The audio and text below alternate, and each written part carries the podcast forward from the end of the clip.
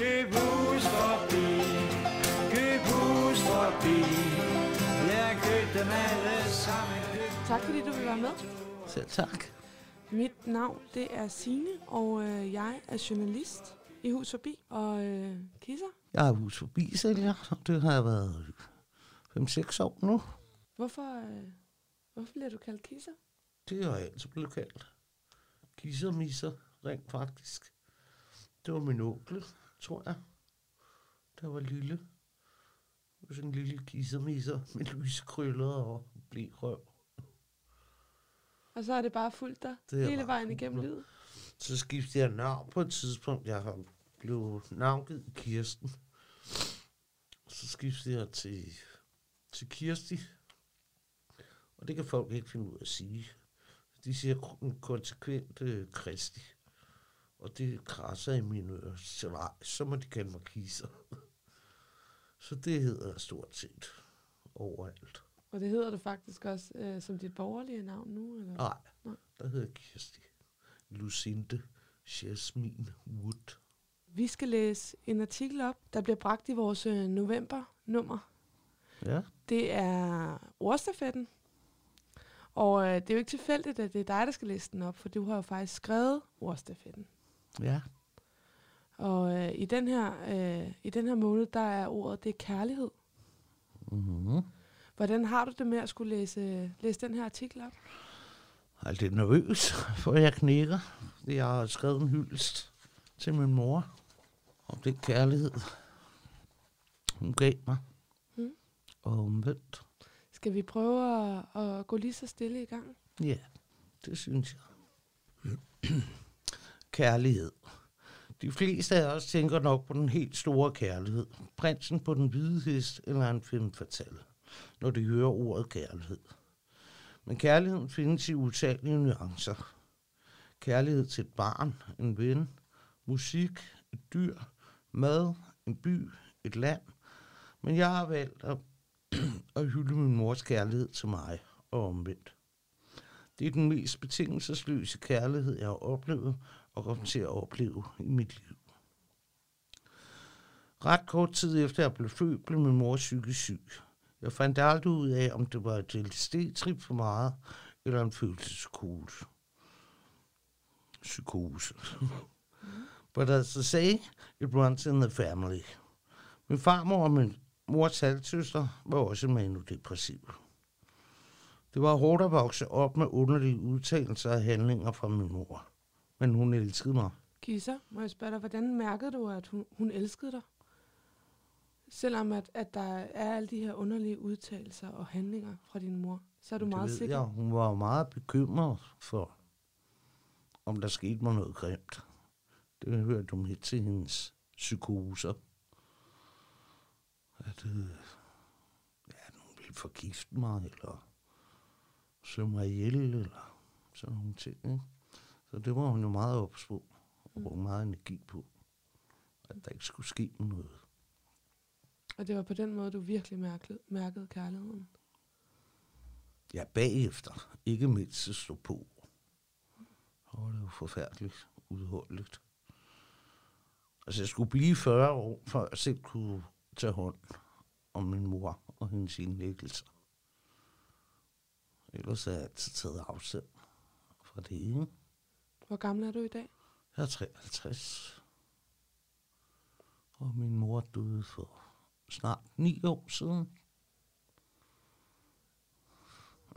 Men det savler hende. Og hvor langt kom vi? Vi kom dertil, hvor der står, det var først. Ja, det var først, da jeg blev teenager.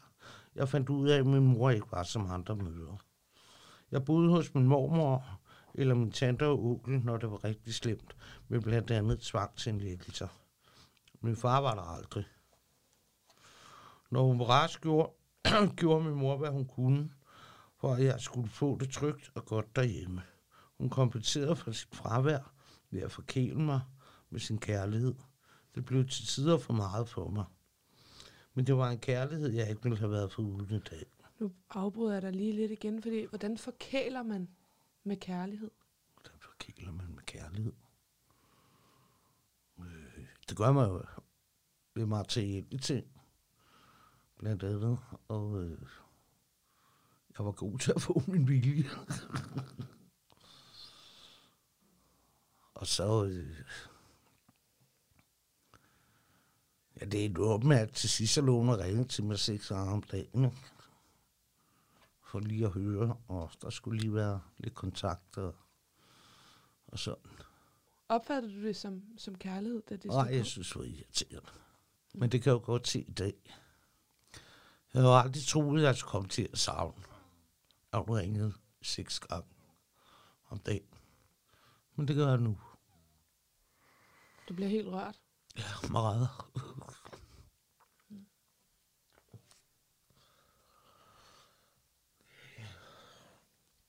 Ja. Skal vi prøve at fortsætte lidt? Ja. Øh, mor var mit et og alt. Mit holdepunkt. Hun var der lige meget, hvad jeg havde fundet på at dumme til. Hun holdt op mig, når jeg var ked af det. Lyttede til mig. Tog mig alvorligt og gav mig skæld ud, når det var nødvendigt. Hun vidste altid, hvordan mit sindsils... Hun vidste altid, hvordan mit sindstilstand var.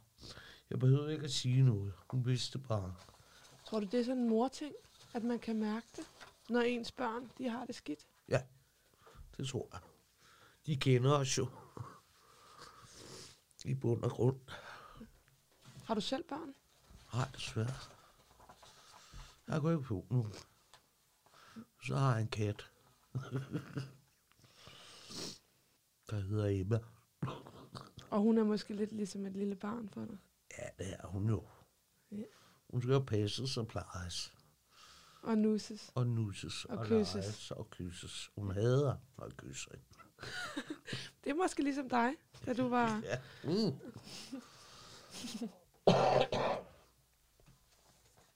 Nå, skal jeg læse videre? Ja, prøv det.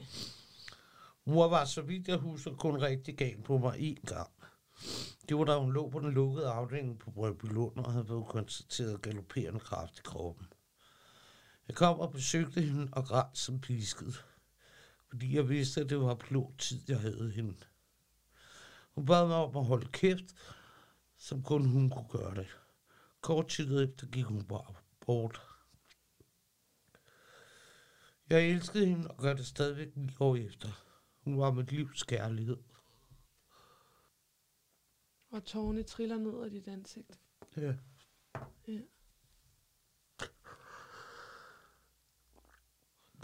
Savner hende. Du skriver også det her med, at hun, hun øh, bad dig om at holde kæft, som kun hun kunne gøre det. Hvordan bad hun dig om at holde kæft? Altså, oh, det er svært at forklare. Jamen, hun, var, hun var ikke sådan øh, det store til at, at sætte grænser og sådan noget. Men jo ældre hun blev, jo mere gal og kontant kunne hun blive. Og det lærte jeg jo så, når jeg blev selv, da jeg blev voksen, ikke? Eller, at det var sådan, hun agerede. Og så kiggede hun bare på mig og sagde, hold så kæft. Fordi vi vidste jo godt, begge to. Og min mormor gjorde det samme. hun sagde også, at jeg skulle holde kæft. det var ellers sådan nogle pæne piger. Hvad med dig? Er du også mig? sådan en, der kan finde på at sige, hold så kæft? Det kan jeg godt. Minder du om din mor? Jeg ligner hende fysisk. Øh, altså, mor var meget kreativ med at tegne og male og væve og sådan nogle ting. Alt sådan noget gør jeg ikke. Men jeg er god til at lave mad. Så min kreativitet, det er jo nok i maden. Mm. Prøver at lære mig at male og sådan noget. Det, det fangede mig ikke. Du sluttede din tekst af med, at hun var mit livs kærlighed. Det var hun jo. Hun var der jo altid. Lige meget hvad jeg gjorde, eller hvor uvenner vi kunne blive, eller så var det jo ikke mere end et telefonopkald væk. Så var hun jo, at jeg får al den kærlighed nogensinde her. Ikke fra en mand eller en ven, eller... I artiklen, efter du har skrevet, hun var mit livs kærlighed, så kommer der et digt. Ja, Et digt, som din mor har skrevet. Ja, Hvornår øh, har hun skrevet det? det kan jeg ikke huske. Men i 80'erne engang, hun udgav nogle få digtsamlinger. Og der skrev hun det her digt til dig. Det gjorde hun nemlig. Hvor gammel var du, da du, øh, da du modtog? Og hvis vi nu siger midt 80'erne, ikke, så har jeg været 16. Hvordan tog du imod det? Det er, som sagt, tog jeg afstand fra, fra de ting, hun gjorde. Ikke? Og jeg havde svært ved at læse de ting, hun skrev. Fordi jeg vidste, hvad hun mente, hvor hun var henne i sit liv, og hvad hun, øh, hvordan hun havde det på de tidspunkter. Altså, hvad alle digtene handlede om. Men det, det var meget følsomt for mig at læse en. Skal vi prøve? Ja. Men jeg lover ikke, at jeg kommer til at tro. Og ved du hvad? Hvis du gør, så er det som det er. Ja. Nå, digtet hedder Mit barn. Mit barn er blevet en længsel, nu hvor det har sit eget liv. Mit barn lever under, bringer det givende liv tilbage. Giver og tager. Mit barn med de klare øjne. Mit barn, der kæmper hver dag. Mit barn er den skjulte lykke, min unge smukke kvinde. Så der har jeg været 16 år, tror jeg. Der flyttede jeg hjemmefra. Du, du sagde før, at, du, øh, at det var svært for dig at læse hendes digte, også fordi du, du vidste, hvor hun var Ja. øh, i de perioder, hvor hun skrev de forskellige digte. Du også vidste, hvad hun mere præcist mente. ja. Vil du ikke prøve at sætte lidt ord på, hvor var din mor, da hun skrev det her digt? Hun var syg. Eller nej, hun var, det startede med, at hun var psykisk syg. Og øh, så flyttede jeg hjemmefra. Vi fik en uge overensstemmelse. Og jeg flyttede på ungdomspension. Og så tænker jeg, at tiden efter har hun skrevet det her, ikke? Det passer med, at ja, ja, det der med, at mit barn er blevet en længsel. Det er jo fordi, jeg flyttede. Ja, det fik mig også til at tænke på, at hun skrev, at mit barn er blevet en, blevet en længsel. Altså, så du hende ikke? Jo, jo, men ikke så meget. Fordi du boede på ungdomspension. Men altså, det var jo på Vesterbro, ikke? og min mor boede også på Vesterbro. Er det der, at du voksede op? Ja. Hun skriver også, øh, mit barn, der kæmper. Hvad er det, hun har set ved dig? Der må jeg være svar skyldig. Kæmpede du som ung? Ja, jeg var frygtelig generet, så... Ikke den smukkeste pige i klassen, og... Og tyk og, og sådan noget, ikke? Nu kommer du sgu for tæt på. Prøv det bævl. Men hun skriver stadig, at min barn er den skjulte lykke. Ja.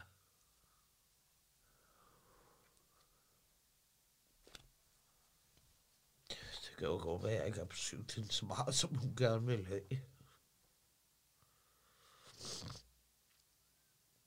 Må jeg give dig min hånd?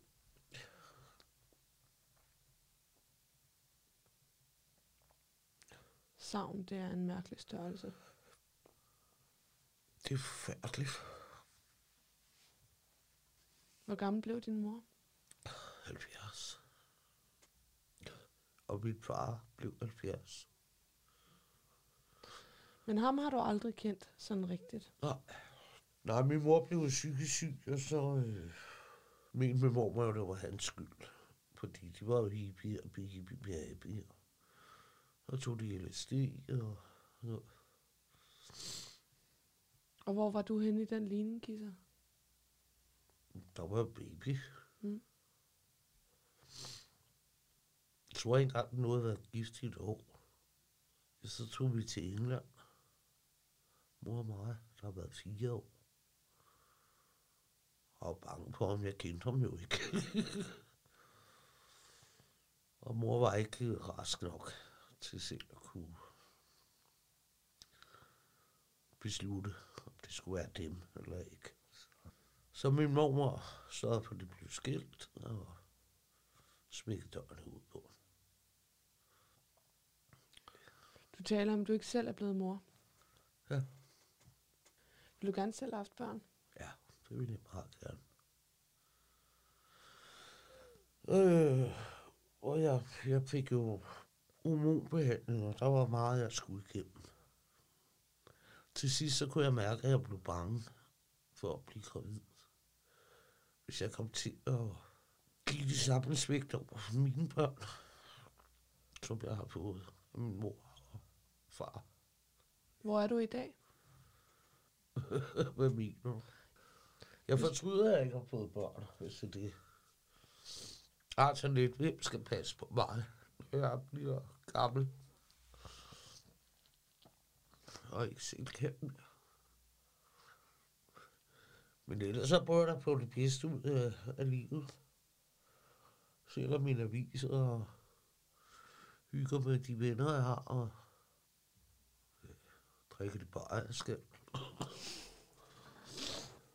Og har jo min egen lejlighed. Er jeg glad for. Og er tryg i? Meget tryg. Det er lang tid siden, jeg følte mig så tryg. Hvor længe har du boet der? Og snart fem år.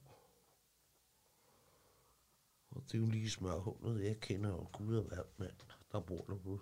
Hvor er det skønt. Hvor gamle dage på Vesterbro, ikke? Ja. Hvor boede du inde det? Hvor jeg på, på Herberg på Sundholm i tre år. Og inden der havde jeg en lejlighed i Christianshavn. Og nu bor jeg i Sydhavn, og det er jeg glad for. Og der bliver boende. Det er jeg glad for at høre, Kisser. Men øhm, ved du hvad, Kisser? Tak fordi, at du vil være med. Selv tak. Og tak fordi, at du øh, havde mod på at læse din øh, smukke, smukke artikel op. Selv tak. Og tak til jer derude, som, øh, som lytter med. Og det er det. Ja. Ja, det var da ikke så stort. Hvordan synes du det? Jeg